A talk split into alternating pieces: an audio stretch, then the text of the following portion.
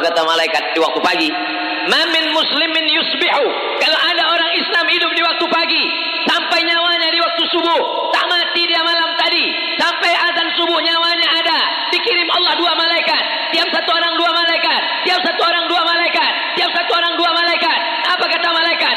Allahumma ati munfiqan khalafa. Orang yang bersedekah ini kasih dia ganti ya Allah. Tak usah diaminkan. Karena doa malaikat pasti makbul. Jangan-jangan kita doakan malah tak makbul pula gara-gara kita.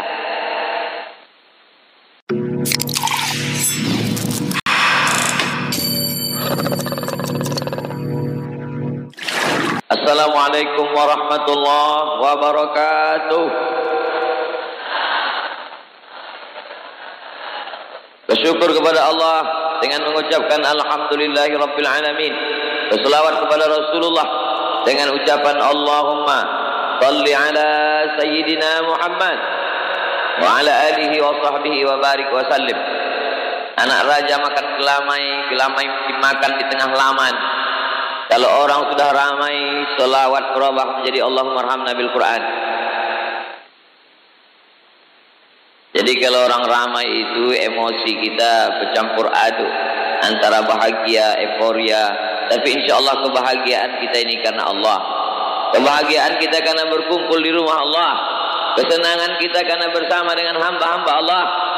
Kelapangan hati kita adalah karena mengingat La ilaha illallah Muhammadur Rasulullah Sallallahu alaihi wasallam Subuh ini kita bersama dengan orang baik-baik Hadir bersama kita Habib Saleh dari Malang Hadir bersama kita Bapak Kepala Kantor Kementerian Agama Alim ulama celik pandai tokoh masyarakat yang besar tadi bawa gelar yang kecil tak disebut nama encik-encik perempuan tuan-tuan. Insyaallah semuanya dimuliakan Allah Subhanahu wa taala. Baru sampai takbir. Tadi tak sampai. Allah bersumpah demi matahari. Wasyamsi wa duhaha. Allah bersumpah demi bulan. Wal qamari idza talaha karena memang matahari dan bulan itu makhluk ciptaan Allah yang sangat besar. Mana yang lebih besar bulan atau matahari? Sama Pak Ustaz kata yang belum pernah tengok. Setelah diukur-ukur pakar astronomi ilmu benda-benda langit kata dia lebih besar matahari. Berapa skala perbandingannya? Ambil matahari sebesar bola basket. Bulan sebesar kacang hijau.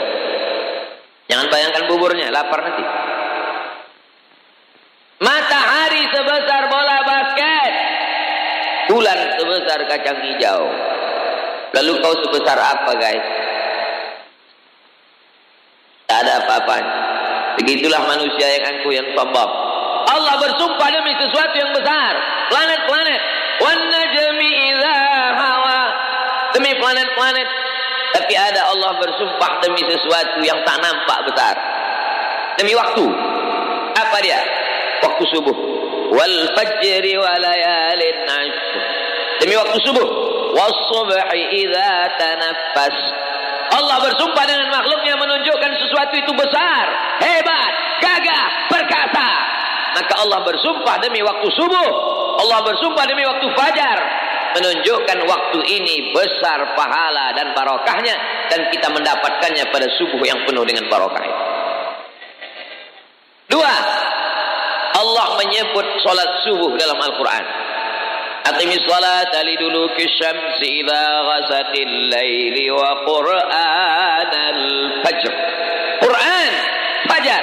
Disandingkan Quran dengan fajar. Apa maksud Quran al-fajr? Salat subuh. Mengapa tak disebut salat subuh? Mengapa disebut Quran fajar? Karena ayat yang paling panjang dibaca oleh Nabi sallallahu alaihi wasallam dari mulai subuh, zuhur, asar, maghrib, isya, doa, tahajud yang paling panjang di antara salat fardu, salat wajib adalah salat subuh. Maka salat subuh itu disebut dengan Quran fajar karena ayat Qurannya paling panjang dibaca di waktu fajar. Kalau memang paling panjang, kenapa tak dibaca imam tadi ayat paling panjang? Bukan imam tak hafal Quran. Beliau alumni Al-Azhar Kairo Mesir. Beliau hafal Quran. Lalu kenapa tak dibacanya panjang-panjang? Kita mau pengajian. Lalu dibaca beliau sampai Yasin tadi. Habislah yang di belakang itu kata dia, kamera udah siap mau streaming kata dia. Tiga. Allahumma barik li ummati fi bukuriha. Doa Nabi Muhammad SAW. Dan Nabi itu kalau berdoa pasti makbul. Apa kata Nabi? Allahumma barik li ummati bukuriha. Ya Allah, umatku ini berikan dia berkah. Siapa yang paling banyak dapat berkah di antara umat Nabi Muhammad SAW? Fi bukuriha. Siapa yang paling awal bangunnya, dialah yang paling banyak berkahnya. Berkah itu apa Pak Ustaz? Berkah ya berkah. Kalau ada anak lahir, yang dimintakan dari anak itu berkah. Barakallahu laka fil mauhub. Semoga anakmu berkah. Kalau ada orang nikah, yang diminta itu berkah. Barakallahu lakum wa baraka alaikum wa jama'a bainakum fi khair. Kalau ada orang makan, yang diminta itu berkah. Allahumma barik lana fima razaqtana wa qina azabannar. Jangan dibaca sekarang, leleh liur. Yang diminta selalu berkah. Kalau berjumpa kita, apa yang kita mintakan? Berkah. Assalamualaikum warahmatullahi wabarakatuh. Bahasa Arab yang dipakai, tidak bahasa Indonesia. Kalau bahasa Indonesia, Assalamualaikum warahmatullahi wabarakatuh. Assalamualaikum warahmatullahi wabarakatuh. Barokah hartanya, barokah rezekinya, barokah keluarganya, barokah anaknya, barokah hidupnya, barokah amalnya, barokah saat dia mati menghadap Allah Subhanahu wa taala. Itu yang sudah dapat pagi ini. Assalamualaikum warahmatullahi Assalamualaikum warahmatullahi Tak ada barokahnya Pak Ustaz? Ada dalam riwayat Abu Daud. Assalamualaikum warahmatullahi wabarakatuh.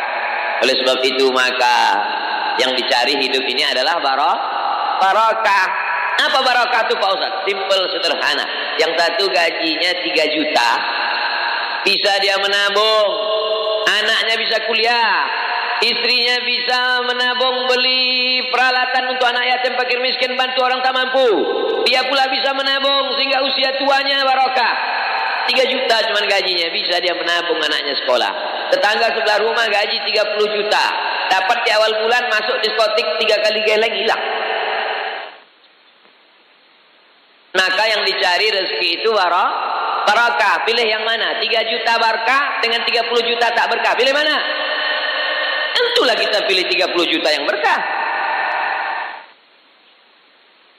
Andai ada orang tak Islam, tidak bersyahadat, tidak sholat subuh, bukan umat Muhammad SAW, tapi bangunnya lebih pagi, lebih awal, dapat berkah apa tidak? Dapat. Orang-orang kopi, saudara-saudara kita yang tak Islam. Saya Dewan Juri Musabaqah Tilawatil Quran tinggal di hotel di luar kota. Sholat di masjid. Dari hotel ke masjid kami jalan kaki. Di dalam perjalanan dari hotel ke masjid, saya pandang kanan kiri warung kopi udah buka. Saya tanya, warung kopi siapa ini yang buka? Non muslim punya.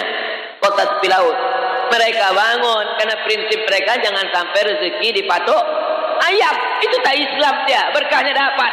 Agama ini kalau dijalankan walaupun tak Islam dapat berkahnya. Islam tapi tak menjalankan agama ini dapat apa tak dapat? Habis dipatok ayam diterkam kucing. Habis semua. Jadi ketika orang tak Islam kaya raya, duitnya banyak, orang Islam komplain. Kenapa dia rumahnya besar? Kenapa dia duitnya banyak? Tapi dia si Islam. Tuhan tak adil.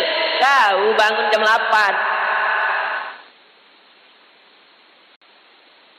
Janji Nabi Wasallam. Nabi itu janjinya datangnya dari Allah. Maka zabal fuadu mara'a. Dia tidak mungkin mendusta berdusta matanya apa yang dia tengok. Wa ma yantiqu 'anil hawa. Dia tidak bicara menurut hawa nafsunya. In huwa illa wahyun yuha. Melainkan wahyu dari Allah Subhanahu wa taala. Kalau dia sudah dijanjikan Allah, janji itu pasti. Innaka la tukhliful mi'ad. Lima kali kita katakan habis azan subuh, habis azan zuhur, habis azan azan. As-salatu khairum minan naum. Di situ pula lah selimut paling sedap ditarik. Apa kata iblis? Tarik, tarik, tarik. Bangun jam 7, bangun jam 7.30. Alhamdulillah Pak Ustaz, ayat subuh ini memang tak terlambat deh Pak Ustaz. Kenapa? Ya kan Ustaz Somad mau datang nih lah. Jadilah, mudah-mudahan yang sudah subuh ini bangun subuh istiqomah. Istiqomah sampai mati Pak Ustaz? Tidak, istiqomah sampai hari kiamat. Dia sholat subuh, anaknya sholat subuh, menantunya sholat subuh, cucu cicitnya sholat subuh, seluruh keturunannya sholat subuh, sampai hari ini kiamat. Amin. Jangan sampai sholat subuh istiqomah. Mudah-mudahan kita sholat subuh istiqomah sampai mati. Iya kau mati sholat subuh. Anakmu? Mudah-mudahan anak-anak kita istiqomah. Iya anak kau istiqomah. Menantumu? Anakmu bangun sholat subuh. Menantu kau Fir'aun? Makanya kita berniat kita semuanya istiqomah anak cucu cicit menantu andai tolan sahabat kerabat semuanya sampai hari kiamat. Amin. Apa yang kita cari dalam hidup ini sebenarnya? Yang dicari dalam hidup ini adalah sesuatu yang belum pasti dalam pandangan kita. Apa rezeki yang kita peroleh? Rezeki itu sudah pasti apa belum? Saya tanya sekali lagi. Mungkin tadi terlalu kuat terkejut ya. Rezeki itu sudah pasti apa belum? Rezeki sudah pasti. Inna rizqa la yatlubu. Sesungguhnya rezekimu mencarimu. Rezekimu mencarimu. Kama yatlubu kal maut. Sebagaimana mati mencari.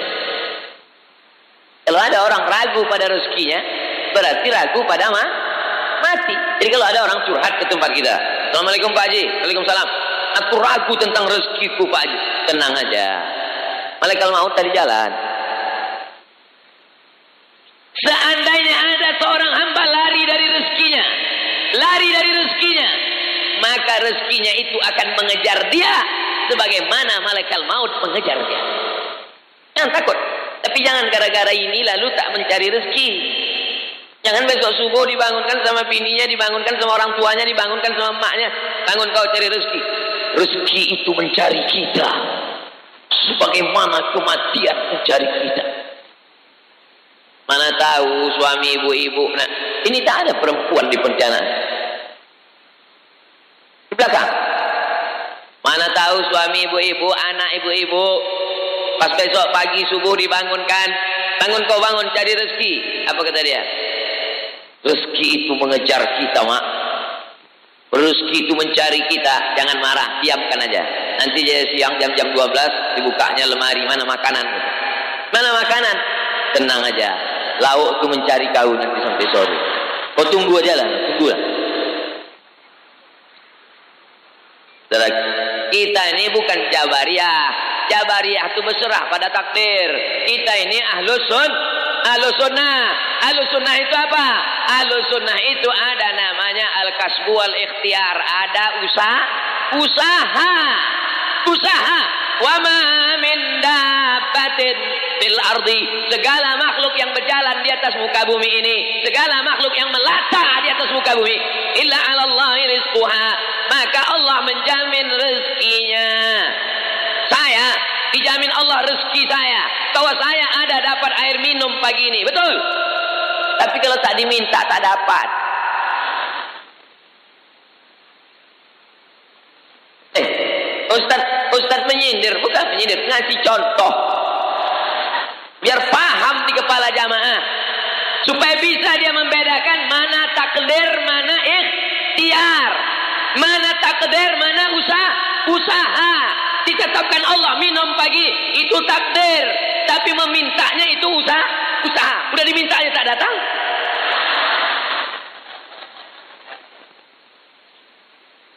Paham? Rezeki itu punya kita atau punya Allah? Punya Allah. Wa mimma razaqnahum.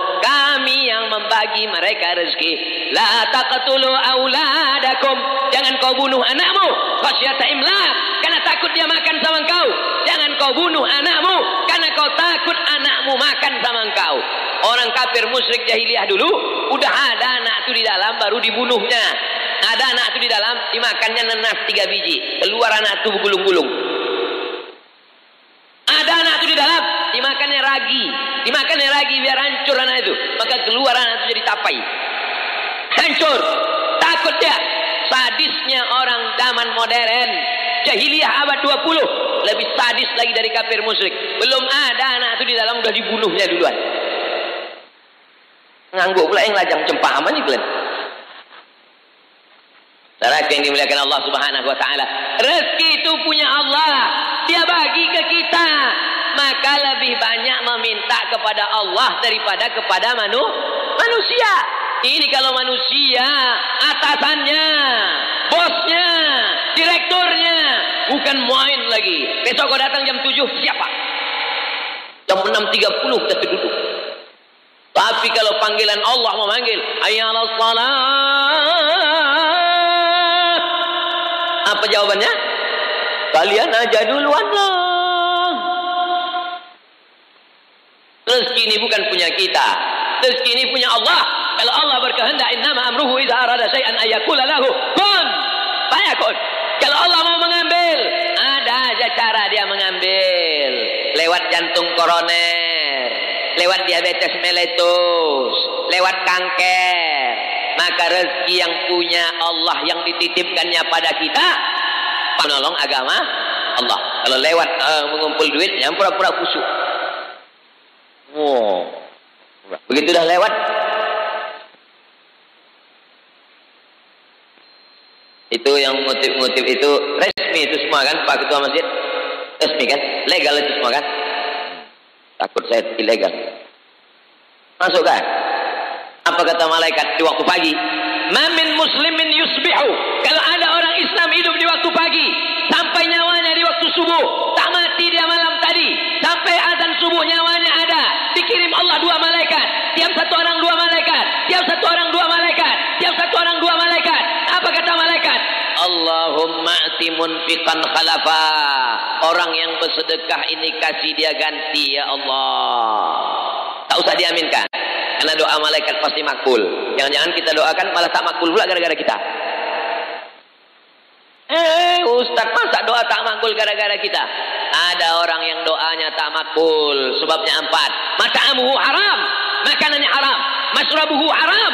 Minumannya haram. Malbasuhu haram. Pakaiannya haram. Wagudhiya bil haram. Dikasih makan haram. Duit riba. Duit togok. Duit riswah. Duit sipah. Duit tunjang. Duit sundul. Duit sikut.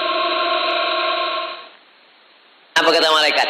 Allahumma atimun fiqan khalafa yang bersedekah ini kasihlah ganti. Hmm, takut mengaminkan. Lalu yang tak bersedekah, yang pura-pura tak dengar, yang pura-pura tak bawa dompet, yang pura-pura tak menengok, yang pura-pura tak nampak. Allah Maha Adil. Allah kirim juga malaikat. Apa kata malaikat itu berdoa? Allahumma si mumsikan talafa. Mumsikan orang yang menggenggam duitnya. Orang yang menyimpan duitnya. Orang yang pura-pura tak tahu. Orang yang pura-pura tak dengar. Padahal mikrofon sudah dites sekuat-kuatnya. Abdul Somad pun suaranya melambung tinggi. Dia macam tak ada kejadian. Apa kata malaikat? Allahumma ati mumsikan talafa. Orang yang pelit. Orang yang bakhil. Orang yang tak bersedekah. Binasakanlah dia ya Allah. Hmm, gimana? Ada terasa? Ada? Agak-agak nyeri-nyeri sedikit ada? Ada berkunang-kunang ada? Ada? Nah, itu tanda-tanda tuh. Saya bukan nakut-nakuti. Ya, cerita aja. Percaya Alhamdulillah. Tak percaya, tengoklah balik ke rumah nanti. Memang kadang tidak hari ini langsung. Agak-agak seminggu lagi. Nanti pas pergi ke pasar tiba-tiba helm hilang aja. Pas lalu balik telanggar anak ayam orang. Anak takau. Nantu mabuk. Cucu error. Menantu cendel bolong. Anak tuyul. Tak ada barokahnya. Maka di antara menjemput keberkahan, mencolok keberkahan dengan soda sodaqah. Astaghfirullah Rabbal baraya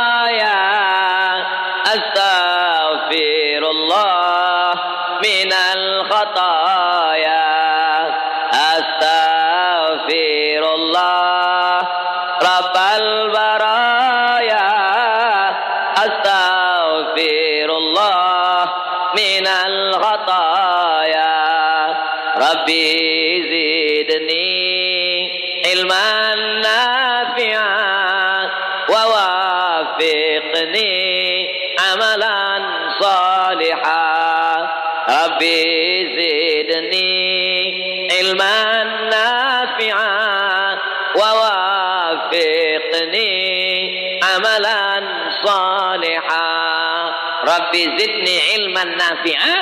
Tambahkan aku ilmu yang banyak. Pengajian rajin. Tablik akbar ikut. Tapi setelah ilmu banyak apa?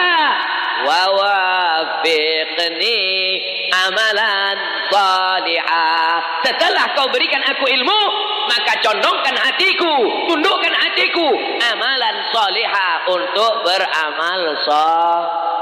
Kesalahan Abdul Somad. Abdul Somad asal habis ceramah tablik akbar selesai. Asal ceramah habis tablik akbar selesai. Asal habis ceramah tablik akbar selesai. Padahal jamaah mau beramal soleh. Sedekahlah, sedekahlah. Jamaah mau bersedekah. Pas mereka mau sedekah, Abdul Somad pulang. Tak jadi dia ngasih sedekah. Oleh sebab itu maka perlu dirubah format ceramah ini. Setelah ceramah, maka dikumpulkanlah tim relawan untuk menjemput sedekah-sedekah itu.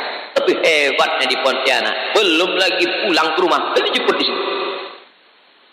Karena memang hati manusia ini berubah-ubah, berbolak balik. Waktu mendengar pengajian, rasanya semua mau dikasihkan. Ambillah rumah tu Ustaz, ambillah mobil tu Ustaz, ambillah motor tu Pak Ustaz, ambillah tanah tu Pak Ustaz. Karena memang semuanya belum lunas. Tapi begitu balik sampai ke rumah, ini rumah aku, ini mobil aku, ini motor aku, bangkitlah keakuan. Ini milik aku, ini milik saya, ini punya saya, ini punya saya. Padahal semuanya hanyalah titipan Allah.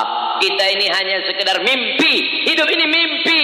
Mimpi jadi orang kaya, mimpi jadi pejabat, mimpi jadi orang terkenal, mimpi jadi artis, mimpi jadi apa pun.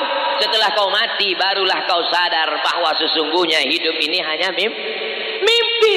Hidup ini ilusi, hidup ini fiksi, hidup ini tidak nyata, hidup ini hanya khayalan semata, hidup ini fata morgana. Kapan kau melihat kenyataan? Ketika kau masuk ke liang lahat, terbujur di liang kubur.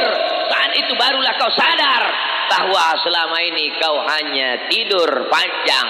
Setelah mati, barulah kau melihat kenyataan. Rabbana abasarna. Mata kami sudah menengok azab. Wasami'na. Telinga kami sudah mendengar azab. Azab apa? Azab kubur. Azab apa? Azab neraka. Mata kami sudah menengok azab. Telinga kami sudah mendengar azab. Farji'na na'mal salihah. Balikkan lagi kami ke dunia. Kami mau beramal saleh. Inna muqinun. Kami yakin, saya yakin, yakinnya. Ada gunanya penyesalan di alam kubur? Tak ada. Tak ada gunanya penyesalan. Hmm. Orang moto kita tak akan kita kasih pose yang tak bagus. Saya trauma banyak foto-foto yang tak bagus itu di model-model orang. Kadang kameramen ini pas kita sedang dia. Bagus macam tadi kan. Cuman tak berani saya main jari-jari nih. Ini musim-musim pilkada bahaya. Ada orang rajin ke masjid karena pemilihan. Ada orang rajin ke masjid karena ada kesempatan. Tapi subuh ini yang datang ini semuanya datang lillahi. Tak ada. Tak ada orang datang subuh ini karena kepentingan politik, karena kepentingan bisnis. Tak ada. Anak-anak muda ini, apalah kepentingan mereka? Mau politik belum daftar ke KPU. Mau bisnis baru aja dipecat. Tak ada kepentingan mereka. Mereka ikhlas karena Allah Subhanahu wa taala. Di dalam keikhlasan itulah datang pertolongan Allah Subhanahu wa taala. Mudah-mudahan setelah kajian subuh ini yang masih bolak-balik hatinya, tobat apa tidak? Tobat apa tidak? Tobat apa tidak? Tobat apa tidak? Tobat insyaallah. Yang muda-muda yang masih pacaran-pacaran mudah-mudahan balik dari sini putus. Hmm, putus kan? Lebih 40 mengaminkan putus. Ah, balik dari sini ya Allah. Putus hari ini, besok dipinangnya dengan bismillah. Sama yang mendoakan dengan yang ketakutan. Apa lagi yang kau lakukan dengan perbuatan maksiat ini? Memangnya bisa ditunda kematian itu? Idza jaa ajaluhum. Kalau ajal sudah sampai, la yastakhiruna sa'atan wa la yastaqdimun. Tidak bisa ditunda sesaat, tidak pula bisa dipercepat. Kematian tidak bisa direquest. Kematian tidak bisa diisi ulang. Kau pikir ini air galon? Kalau sudah mati kata Allah, ma mati. Kalau tak mati kata Allah, tak mati. Berapa banyak orang yang diponis dokter mati. Bapak, mati, Pak. Tak mati, mati. Umur emak sudah berapa, Mak? 75 tahun. Selama umur 75 tahun ini apa pengalaman-pengalaman yang paling berkesan? Saya pernah diponis kanker otak. Katanya otak ini dibelah, habis itu diambil, dicuci, dibersihkan. Kalau tak mau, maka nanti akan buta, pekak, lumpuh. Terus jadi operasi. Tidak Pak Ustadz, saya takut. Saya hanya beribadah kepada Allah, berdoa. Terus, ya ini, sampai 75 masih hidup. Yang kemarin ngasih tahu emak sakit itu, dia udah mati duluan. Saya bukan menyalahkan bapak ibu dokter. Nabi pun dulu kalau ada orang Madinah sakit, disuruhnya berobat ke dokter. Namanya Haris bin Kaldah. Dia lulusan fakultas kedokteran Jandi Sabur dari Persia. Tidak semuanya dibacakan ayat rukyah. Tidak semuanya didoakan. Ada yang disuruh pakai herbal. Alaikum bisyifa ini. Berobatlah kalian dengan dua obat. Al-asal madu. Wal Quran. Quran. Berobatlah kalian dengan madu dan Quran. Di Pontianak datang orang mengasih saya madu yang dibacakan Al-Quran. Dulu Nabi cuma bilang berobat kau dengan madu dan Quran. Di Pontianak, madunya dibacakan Quran 30 juz. Di mana itu? Pontianak. Hebat tak orang Pontianak? Hebat lah kalau tak orang Pontianak. Muji siapa lagi? Pondok habis Quran 30 juz dibacakannya ke madu. Kira-kira kalau ayat Quran Al-Fatihah, ayat kursi, ayat Quran 30 juz, juz 30 dibacakan ke madu. Ada tak efek bacaan itu ke madu? Ada. Yang neliti bukan orang kita, yang neliti orang Jepang. Karena orang Jepang itu yang punya alatnya mikroskop, bisa nampaknya kuman-kuman itu sebesar gajah. Kan macam kita, tempat kita ini aneh pula, yang besar-besar bisa nampak kecil, macam tak nampak. Korupsi, tak nampak. Entah apa alatnya. Untung orang Jepang itu tak tahu. Kalau tahu datang dia kemari. Untuk mencari alat. Bagaimana mengecilkan gajah jadi kuman gitu dia. Kenapa ke situ pula belok? Oleh sebab itu apa yang terjadi? Diteslah. Dipanggil pawang-pawang, tokoh-tokoh agama, membacakan mantra-mantra, disusun air, dibuka tutupnya, dibacakan. Ternyata setelah diteliti orang Jepang, air yang memancarkan molekul-molekul cahaya terang benderang dilihat dengan hipermikroskop adalah air yang dibacakan doa-doa dari Al-Quran dan sunnah-sunnah Rasulullah Sallallahu Alaihi Wasallam. Ada tak dalilnya dari Quran? Mana dalilnya dari Quran? Mana dalilnya dari sunnah? Kan lagi tren nih sekarang. Kalau ada sesuatu nanya, mana dalilnya? Mana dalilnya? Padahal kita sebut pendalilnya bukan dia tahu. Cuma tahu aja kau. Kata Abdullah bin Abbas radhiyallahu anhu, kalau ada orang kesulitan melahirkan, maka bacakanlah ayat-ayat Al-Quran ke air itu, lalu kemudian air itu dimandikan, lalu kemudian diminumkan, maka insya Allah dimudahkan. Wa nunazzilu minal Quran. Kami turunkan Al-Quran. Ma huwa shifa. Al-Quran itu sebagai obat, sebagai penawar, sebagai memberikan kemudahan. Makanya tadi dibacakan Allahumma arhamna bil Quran. Itu yang dibacakan di awal tadi. Allahumma arhamna bil Quran. Turunkan rahmatmu kepada kami bil Quran. Turunnya rahmat itu karena Qur Quran. Apa iya dengan Quran rahmat bisa turun? Wa idza quri'al Quran. Kalau Quran dibacakan, fastami'u lahu. Dengar baik-baik. Wa ansitu diam. La'allakum turhamun. Kalau ada orang baca Quran, diam. Dengar baik-baik. La'allakum turhamun. Kamu dapat rah rahmat. La'allakum di situ mudah-mudahan. Coba tengok terjemahan Quran bahasa Indonesia. Mudah-mudahan. Yang menerjemah itu menurut terjemah bahasa. Yang membaca ini tak paham dibacanya. Mudah-mudah. Hmm, tahiyan tak tidak. Bacalah tafsirnya. La'allakum tattaqun. Kalau kau berpuasa, pasti kau takwa. La'allakum turhamun. Kalau kau dengar kau dapat rah rahmat. Kalau Quran dibacakan di rumah, rumah tuh dapat rahmat.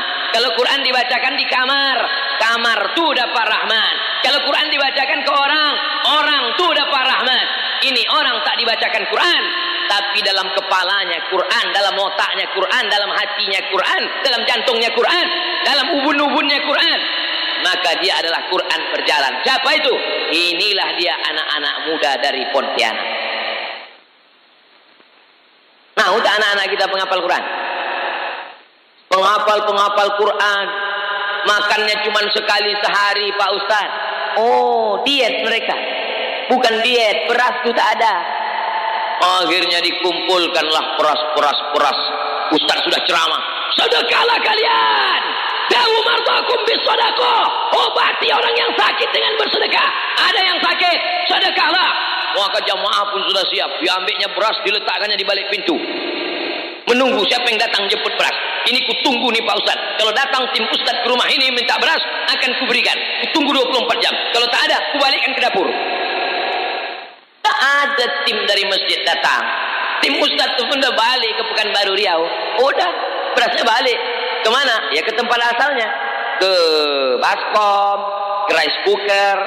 Dicucinya beras itu dimasaknya. Dalam hatinya berkata-kata, kenapa kau tak sedekah beras? Kenapa kau tak bagi beras? Bukan salah aku, tim Ustaz itu tak datang. Tapi di anak tidak begitu. Selesai pengajian, datanglah tim penjemput beras. Assalamualaikum. Waalaikumsalam. Buka pintu. Mana berasnya? Udah siap di balik pintu. Nah, ambil. Beras yang paling enak, yang paling nyaman, yang paling sedap, yang paling indah. Kalau ngasih beras, kasihlah beras yang enak di leher kita. Itu juga yang enak di leher anak yatim, fakir miskin dan duafa. Betul apa betul? Jangan di leher kita beras paling enak. Yang dikasihkan beras catu. Beras patah-patah. Kecampur beras itu sama kutu. Kecampur beras itu sama hama. Itu yang dimakan mereka. Nauzubillah. Lan tanalul birra. Kau tidak akan dapat kebaikan. Hatta tunfiqu mimma tuhibbun. Sampai yang kau berikan itu yang paling kau suka. Yang paling kau cinta. La yu'minu ahadukum. Kau tidak akan beriman. Sampai kapan? Hatta yuhibba li akhi. Sampai kau sayang kepada saudaramu. Ma yuhibbu li nafsi. Sama macam sayang pada diri sendiri. Kalau kau tempeleng pipimu ini perih. Begitu juga kalau kau tempeleng pipi orang. Kalau kau cubit kulitmu ini sakit. Begitu juga kalau kau cubit kalau kau rasakan tak makan itu sakit, melilit usus, keroncongan, lapar. Begitu juga lah fakir miskin, anak yatim, janda-janda tua dan duafa. Siapa yang bisa menyelamatkan ini? Ustaz Muhammad di atas mimbar, bersuara menggelegar. Selesai. Siapa yang menjemput ke rumah-rumah?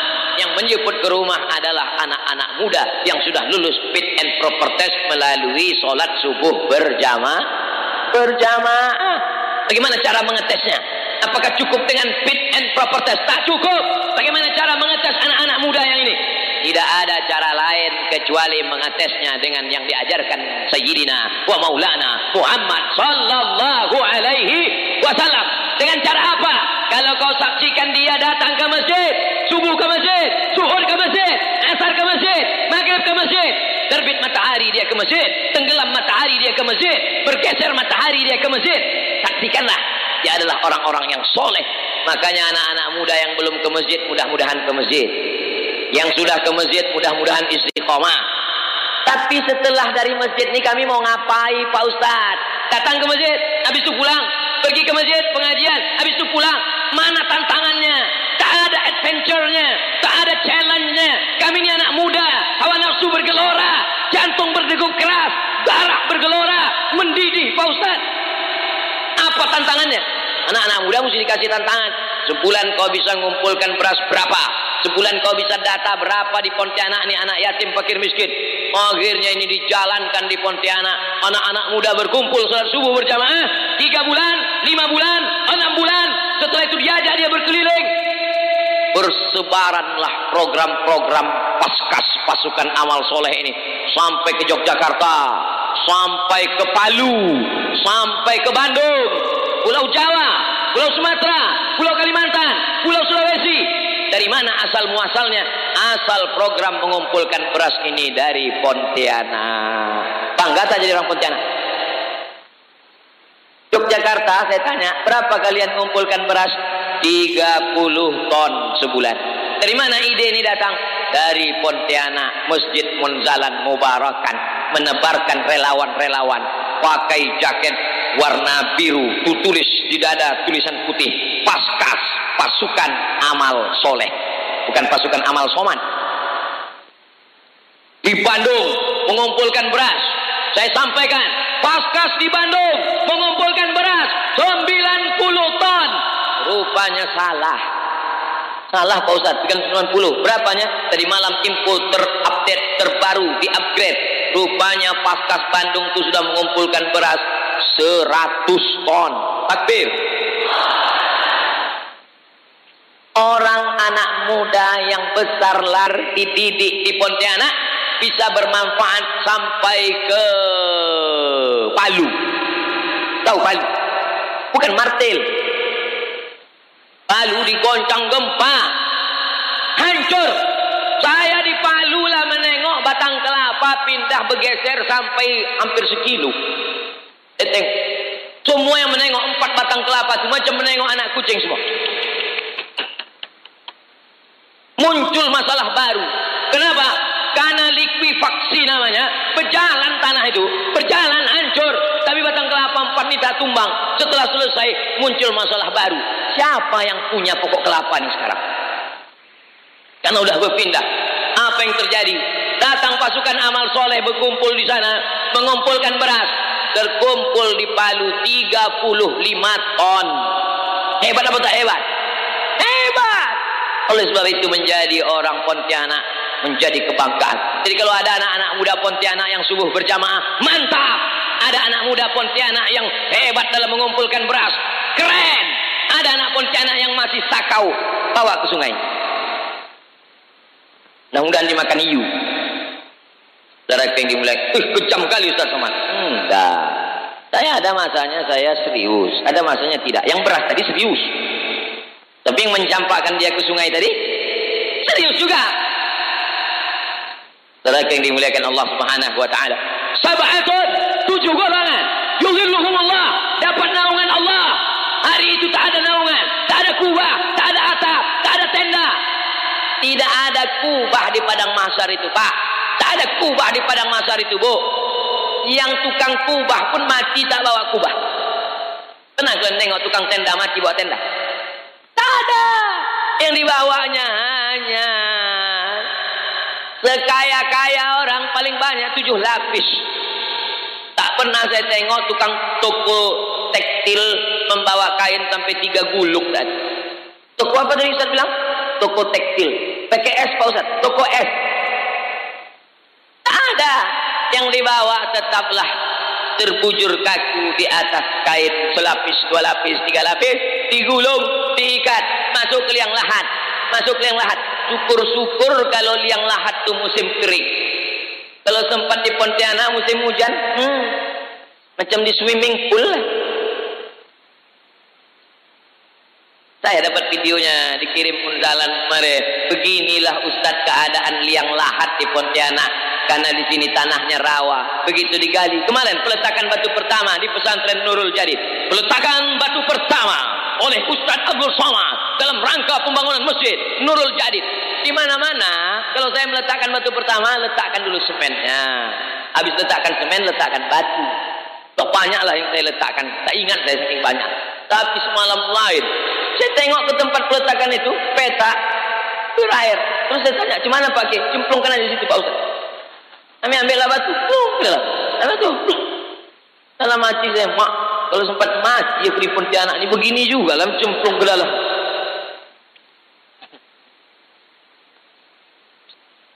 Apa yang kita bawa nih? Tak ada. Maakal yang kau makan, fa'afnaita busuk. Wa malabista yang kau pakai, fa'ablaita lapo. Sadaqta yang kau sedekahkan. Itu yanglah kau bawa hari esok. Yang kau makan busuk, yang kau pakai lapo, yang kau sedekahkan itu yang kau bawa di hari esok. Yang tadi memasukkan duit ke plastik-plastik ke kantong-kantong warna hijau tadi. Yang tadi memasukkan duit 50 ribu, 100 ribu. Di kantongmu ada sejuta. Yang kau masukkan 100 ribu. Yang kau bawa pulang 900. Bawalah 900 itu. Bawalah, bawalah, bawalah, Pak. tawa. Nanti kau mati tinggal juga. Betul. Terserah. Mau percaya, alhamdulillah. Tak percaya, nanti kau mati baru kau katakan. Betul Pak Ustaz. Tinggal juga duitku itu Pak Ustaz diambil biniku nikah dia sama berondong. Rasakan. Dulu udah aku sampaikan di Masjid Mujahidin kau tak percaya. Sekarang baru percaya. Ustaz ini ceramahnya menakutkan. Teror. Enggak. Saya ingin menyelamatkan umat ini. Salah saya. Tidak. Tiga orang aja bilang tak salah. Yang lain salah. Anak muda mesti dikumpulkan di mas. Anak muda berkumpul di warung kopi, musibah. Anak muda berkumpul di karaoke, musibah. Anak muda berkumpul di warnet, musibah. Sampai kau kumpul di warnet. Ini Pak Ustadz ada beban dari sekolah. Kan kami sekarang online semua. Aduh. Tapi sebatas tugas saja nak. Lebih dari situ nanti rusak otakmu nak. Berapa banyak anak muda tak peduli sholat, tak peduli orang tua, tak peduli ulama, tak peduli zikir, tak peduli masjid. Habis apa? Game online pagi, petang, siang dan malam. Habis paket berhenti pergi ke dapur bawa perang panjang. Ma, duit, duit, duit, duit. Ilaha illallah Rasulullah. Ustaz Somad, tolong ke rumah saya Pak Ustaz. Ada apa Pak Haji? Tolonglah kalau bisa Pak Ustaz ada waktu datang ke rumah saya. Ada apa Pak Haji? Rukyah Pak Ustaz. Aku tak pandai merukyah. Tolonglah Pak Ustaz ngambil barokah Pak Ustaz. Yang mau dirukyah ini siapa? Anak saya Pak Ustaz. Apa sakit dia? Kena game online. Aku seumur umur belum ada mengambil doa untuk menjauhkan game online Pak Haji. Kalau doa rukyah setan ada. Wala fis sama' wa huwa samiul alim. U'idzuka bi kalimatillahi tammati min kulli syaitanin wa min kulli syaitanin wa hammati wa min kulli ainin lamah. Tapi untuk game online ini belum dapat lagi Pak Haji. Allahumma inna na'udzubika min game online. Yang membelikan HP-nya siapa Pak Haji? Aku Pak Ustaz. Yang membelikan paketnya siapa Pak Haji? Aku Pak Ustaz. Yang membiarkan dia kunci kamar main pagi petang siang malam sampai tak peduli sembahyang, sampai tak mandi-mandi. Siapa itu Pak Haji? Aku Pak Ustaz. Sekarang anak itu kena setan, siapa yang salah Pak Haji? Pak Ustaz. Aku pula salah kata dia. Untung saya tak dirasuki setan. Kalau dirasuki setan, kuantukkan kepala bapak ke tiang. Kita lah yang salah. Kalau ada yang mengatakan kenakalan remaja, kalau ada yang mengatakan kenakalan anak muda, yang betul adalah kenakalan ayah-ayah, kenakalan emak-emak. Betul atau salah? Hmm, semua anak muda mengaku betul. Yang orang tua pas kutanya tadi, kenakalan orang tua. Tak setuju. Dia mau bilang tak setuju, takut anak muda banyak. Tapi di Pontianak itu tak ada. Pontianak ini anak mudanya ke masjid. Habis selesai dari masjid, baru dia main game online. Masjid secantik ini, masjid semegah ini, masjid seperkasa ini. Dari luar kami berjalan. Setiap lewat di depan ini pasti melihat masjid cantik memukau luar biasa. Kuahnya terhampar luas. Lampunya cantik. Salahnya tak hidup. Emang tak perlu karena udah terang mubazir. Jangan sampai masjid yang ramai ini, yang megah ini, yang cantik ini, jamaahnya lebih banyak tiang daripada orang. Satu, dua, tiga, empat, lima, enam, tujuh, delapan, sembilan, sepuluh tiang. Tiba-tiba jamaah cuman muazin, bilal, imam, makmum tiga orang. Itu pun yang satu itu duduk.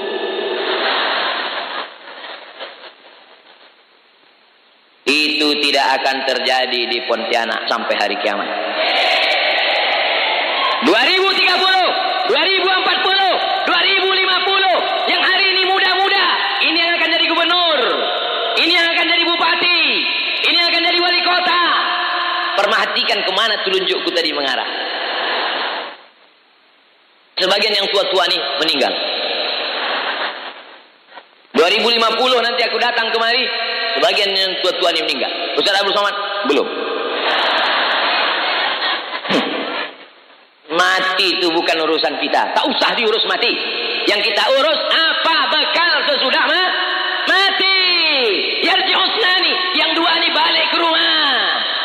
Binimu cantik memukau. Kalau berjalan dia di pinggir jalan, habis angkot-angkot itu menabrak yang listrik. Saking cantiknya.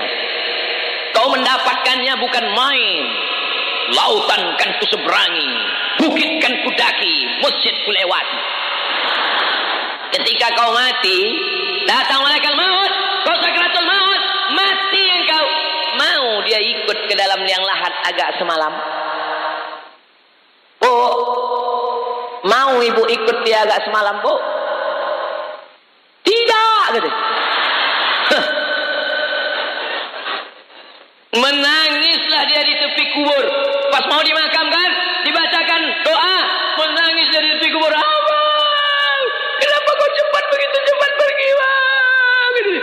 Ustad-ustad, Habib-Habib saya tengok mereka tahan itu kalau ada orang nangis di tepi kubur. Disuruhnya panggil, tahan, bawa ke sana, bawa. Kalau saya enggak. Kalau saya pas ceramah di tepi kubur ada orang gitu, saya suruh masuk. Biarkan dia masuk, masuk, masuk. Masuk. masuk.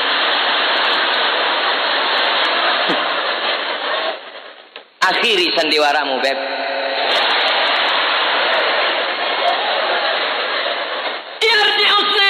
Yang dua ini balik ke rumah. Anak balik ke rumah. Menantu. Paling cepat balik ke rumah. Cucu-cucu balik ke rumah.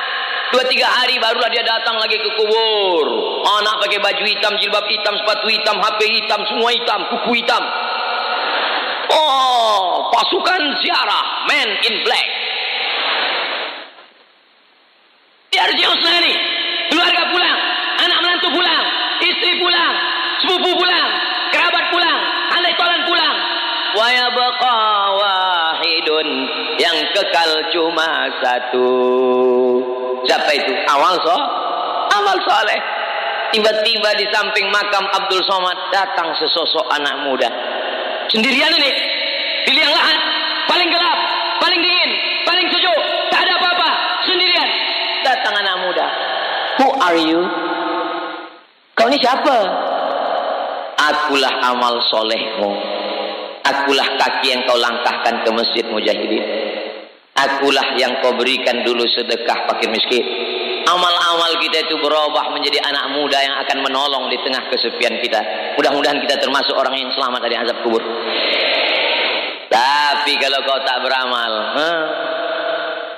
Kalau di waktu malammu kau masih terjaga buka mata, masih nampak jam dinding, bangunlah, ambil wudhu, sholat sunat wudhu, sholat sunat taubat, sholat sunat tahajud, sholat sunat hajat, sholat sunat witir, baca yasin, istighfar. Kalau nanti malam kau tidur, tiba-tiba matamu terbuka, kau tengok TV masih hidup, niatmu menonton TV, rupanya TV yang menonton kau matikan TV, pergilah ke kamar mandi, berwuduklah. Kalau nanti malam kau masih bisa tidur, tiba-tiba kau terbangun karena suara handphone, matikan handphonemu, pergi ke kamar mandi, berwuduklah. Ada saatnya nanti ketika kau bangun, gelap, handphone tak ada, TV tak ada, jam tak ada, yang terdengar hanya suara Marabbuka. Ada masanya. Saat itulah kau ingat Abdul Somad. Tapi saat itu aku tak mengingatmu lagi. Siapa pun tak bisa menolong. Yang bisa menolong hanya amal soleh. Tak ada yang lain. Illalladzina amanu wa amilus solihat. Sallallahu ala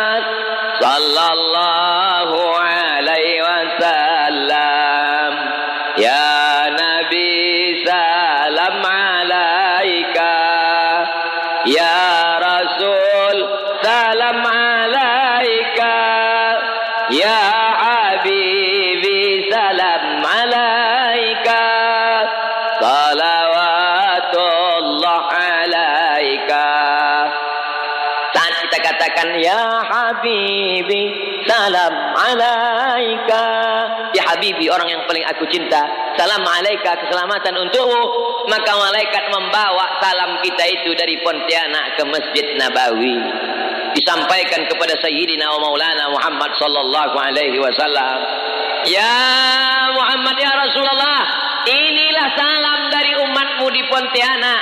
Kira-kira Nabi Muhammad senang apa tidak? Bahagia apa tidak? Inilah orang yang kudoakan 14 abad yang lalu. Yang kukatakan mereka akan minum dari telagaku. Layas ma'ufiyah abada. Mereka tak akan haus untuk selamanya. Saat itu sahabat bertanya, siapa mereka ya Rasulullah? Amanu bi walam yarauni. Mereka percaya kepada aku padahal mereka tak pernah menengok aku. Abu Bakar berjumpa denganku, satu gua denganku. Umar bin Khattab sama denganku. Utsman bin Affan mengambil hartanya untukku. Mereka di Pontianak tak pernah berperang bersamaku, tak pernah sholat bersamaku, tak pernah menengok aku, tapi dia percaya kepada aku. Kita insya Allah diakui oleh Nabi Muhammad sallallahu alaihi wasallam. Tangan kami terlalu hina untuk bersalaman dengan tanganmu ya Rasulullah. Mata kami terlalu banyak dosa untuk melihat wajahmu ya Rasulullah. Tapi hati kami amat sangat rindu ingin berjumpa dengan engkau ya Rasulullah. Jadikan anak-anak muda ini semuanya pencinta Muhammad sallallahu alaihi wasallam. Mereka akan perjuangkan agama Allah. Takbir. Mereka akan jadi pemimpin-pemimpin yang mencintai masjid. Mereka akan jadi orang-orang kaya yang menyekolahkan anak yatim. Mereka akan menolong syariat Nabi Muhammad sallallahu alaihi wasallam. Wa man yartadda minkum an dinihi, siapa yang murtad, ditinggalkan agama ini, maka akan dijanjikan Allah digantinya. Fasaufa yatillah biqaumin, diganti Allah dengan sekelompok anak-anak muda. Yuhibbuhum, cinta kepada mereka. Wa yuhibbuna, mereka balas cinta Allah. Yujahiduna fi sabilillah, mereka menolong agama Allah dengan harta mereka, dengan nyawa mereka. La yakhafuna fillah, mereka tak takut sedikit pun. Laumata laib, tak takut mereka kepada siapa yang mencaci maki dan mengejek mereka karena tujuan mereka hanya la ilaha itu yang perlu kita siapkan untuk dunia ini. Adapun yang lain yang lain itu hanya bunga-bunganya saja, hanya aksesoris-aksesoris semata. Mudah-mudahan segala amal kita ini untuk mencari ridha Allah. Mudah-mudahan amal kita ini semuanya diberikan Allah ridha dan istiqamah.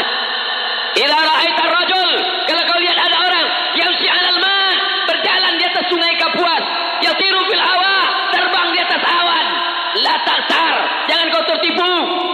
Pandanglah pada istiqomahnya sholat berjamaah. Mana tahu nanti ada orang jalan di atas air. Terbang di atas awan. Jangan kau ragu, jangan kau takut, jangan kau cemas, jangan kau terpukau. Kalau cuma terbang di atas awan, Batman, Wonder Woman, Spiderman pun bisa. Tapi ada yang mereka tak bisa. Apa itu? Istiqomah. Istiqomah. Tapi istiqomah susah kalau tidak berjamaah. Kalau mau istiqomah mesti berjamaah berjamaah. Yang sudah tobat-tobat jangan tobat sendirian. Gabungkan diri berjamaah. Kau dari komunitas mana? Komunitas bikers subuhan. Mantap. Mana motornya? Kap 70 anak muda ganteng motor kap 70 memang kap 70 Pak Ustaz tapi mesin pesawat. Mantap. Pesawat televisi. Kau dari komunitas mana? Saya dari komunitas hijabers Pak Ustaz Hah? Tapi kalau laki-laki kenapa hijabers? Dulu aku pernah jadi bencong Pak Ustaz. Sekarang masih bencong juga Pak Ustaz. Oh, berarti belum hijrah. Bencong apa kau? Bencong syariah? Mana ada? Kau dari tadi di masjid aja berzikir, tak ada keluar-keluar, tak ada usaha, tak ada buka toko, tak ada jualan. Kau ini kenapa? Aku sudah hijrah Pak Ustaz. Jadi kalau hijrah itu cuma Ya macam inilah Pak Ustaz, bawaan mau mati aja. Khiyarukum jahiliyah, khiyarukum fil Islam. Kalau dulu sebelum hijrahnya dia rapat ke toko, rajin bisnis. Maka setelah hijrahnya apakah dia meninggalkan tokonya? Tidak. Bedanya dulu waktu di toko tipu-tipu, bohong-bohong. Kilo-kilo di tokonya itu tak ada yang jujur. Kalau nampak di situ genap sekilo sampai di rumah tujuan setengah. Tapi setelah dia hijrah, dia semangat, dia jujur, dia amanah. Hasil dagangnya untuk sekolah tahfiz Quran. Untuk anak yatim dan duafa. Maka beda orang setelah hijrah dengan sebelum hijrah. Bukan pada tampilan, bukan pada pembawaan. Tapi ke mana target hidupnya. Yang dia lakukan hanyalah mencari ridha Allah subhanahu wa ta'ala. Enaknya ceramah di masjid Mujahidin Pontianak. Jamnya itu. Oh, ini jam nih. Bagi kalian yang tak pernah naik ke sini, aku kasih tahu, ini jam. Nampak, nampak. Tadi dimulai jam 4 45, sekarang 5 45. Pas satu jam. Ini masjid ini kalau tak ada jam di sini bahaya. Pas pula penceramah tuh lupa bawa aja. Oh ini lah dia nengok. Disangka jamaah nengok jamaah rupanya cari jam. Allah lah. Itu nggak dipasang sih. Nah lima apa? Habis waktu kita. Sebetulnya bahan saya ini banyak lagi tapi ya, habis nantilah kita sambung 2000 berapa gitu. Ala hadhihi niyah al-Fatihah. A'udzu billahi minasy syaithanir rajim. Bismillahirrahmanirrahim. الحمد لله رب العالمين الرحمن الرحيم مالك يوم الدين إياك نعبد وإياك نستعين اهدنا الصراط المستقيم صراط الذين أنعمت عليهم غير المغضوب عليهم ولا الضالين آمين اللهم صل على سيدنا محمد وعلى آل سيدنا محمد لا تدع لنا في مقامنا هذا وفي ساعتنا هذه ذنبا إلا غفرته Pulang kami dari majlis ini dalam keadaan bersih dari dosa-dosa. Wala aiban illa satarta. Tutupilah segala aib-aib cacat kami di dunia dan di akhirat nanti ya Allah. Wala maridan illa syafaitah. Saudara-saudara kami yang sedang kau uji dengan penyakit, sehatkanlah, sehatkanlah untuk selamanya ya Allah. Wala mayitan illa rahimtah. Saudara kami yang sudah meninggal dunia, lapangkanlah kuburnya ya Allah. Allahumma ja'al kuburahum rawdatan min riyadil jinan. Jadikan kuburnya salah satu dari taman-taman surgamu. La taj'al kuburahum ufratan min ufarin niran. Jangan jadikan kubur mereka salah satu dari lubang nerakamu. Allahumma ihfaz syababana min kulli su' wa syarr. Jaga anak-anak muda kami dari segala perbuatan maksiat dan dosa. Allahumma dafa'anna al-ghala wal waba wal fahsya wal riba wal zina wal munkar. Selamatkanlah anak-anak muda kami dari riba, dari zina, dari LGBT, dari perbuatan keji dan mungkar. Allah maj'al hadzal balada baladan amina. Jadikanlah Pontianak negeri yang aman, damai, tentram. Terbuka pintu rezeki dari segala penjuru ya Allah. Allah marzukna rizqan halalan tayyiban mubarakan fi. Berikanlah kami rezeki yang halal berkah supaya kami bisa berwakaf, berzakat, berimpak dan bersedekah. Rabbana ja'alna muqimis salah jadikan kami orang yang menegakkan salat wa min dzurriyyatina sampai anak cucu keturunan kami sampai hari kiamat ya Allah Rabbana fir lana dzunubana ampunkan dosa kami wali walidina kedua orang tua kami wali masyayikhina tuan-tuan guru kami wali aimmatina salihin pemimpin-pemimpin kami yang saleh wali man hadarana semua yang hadir di majlis ini wali ikhwanina alladzina sabaquna bil iman. Allahumma ja'al banana wa banatina minas salihin was salihat. Jadikan anak-anak kami anak yang saleh dan salihah min hufazil Quran wal hafizat menjadi para penghafal Quran minal mujahidin fi sabilika bi amwalihim wa anfusihim. Mereka akan menolong agamamu dengan harta dan nyawa mereka ya Allah. Allahumma khtim lana bi husnil khatimah wa la taqtim alaina bi su'il khatimah. Allahumma ja'al akhir kalamina inda intihai ajalina.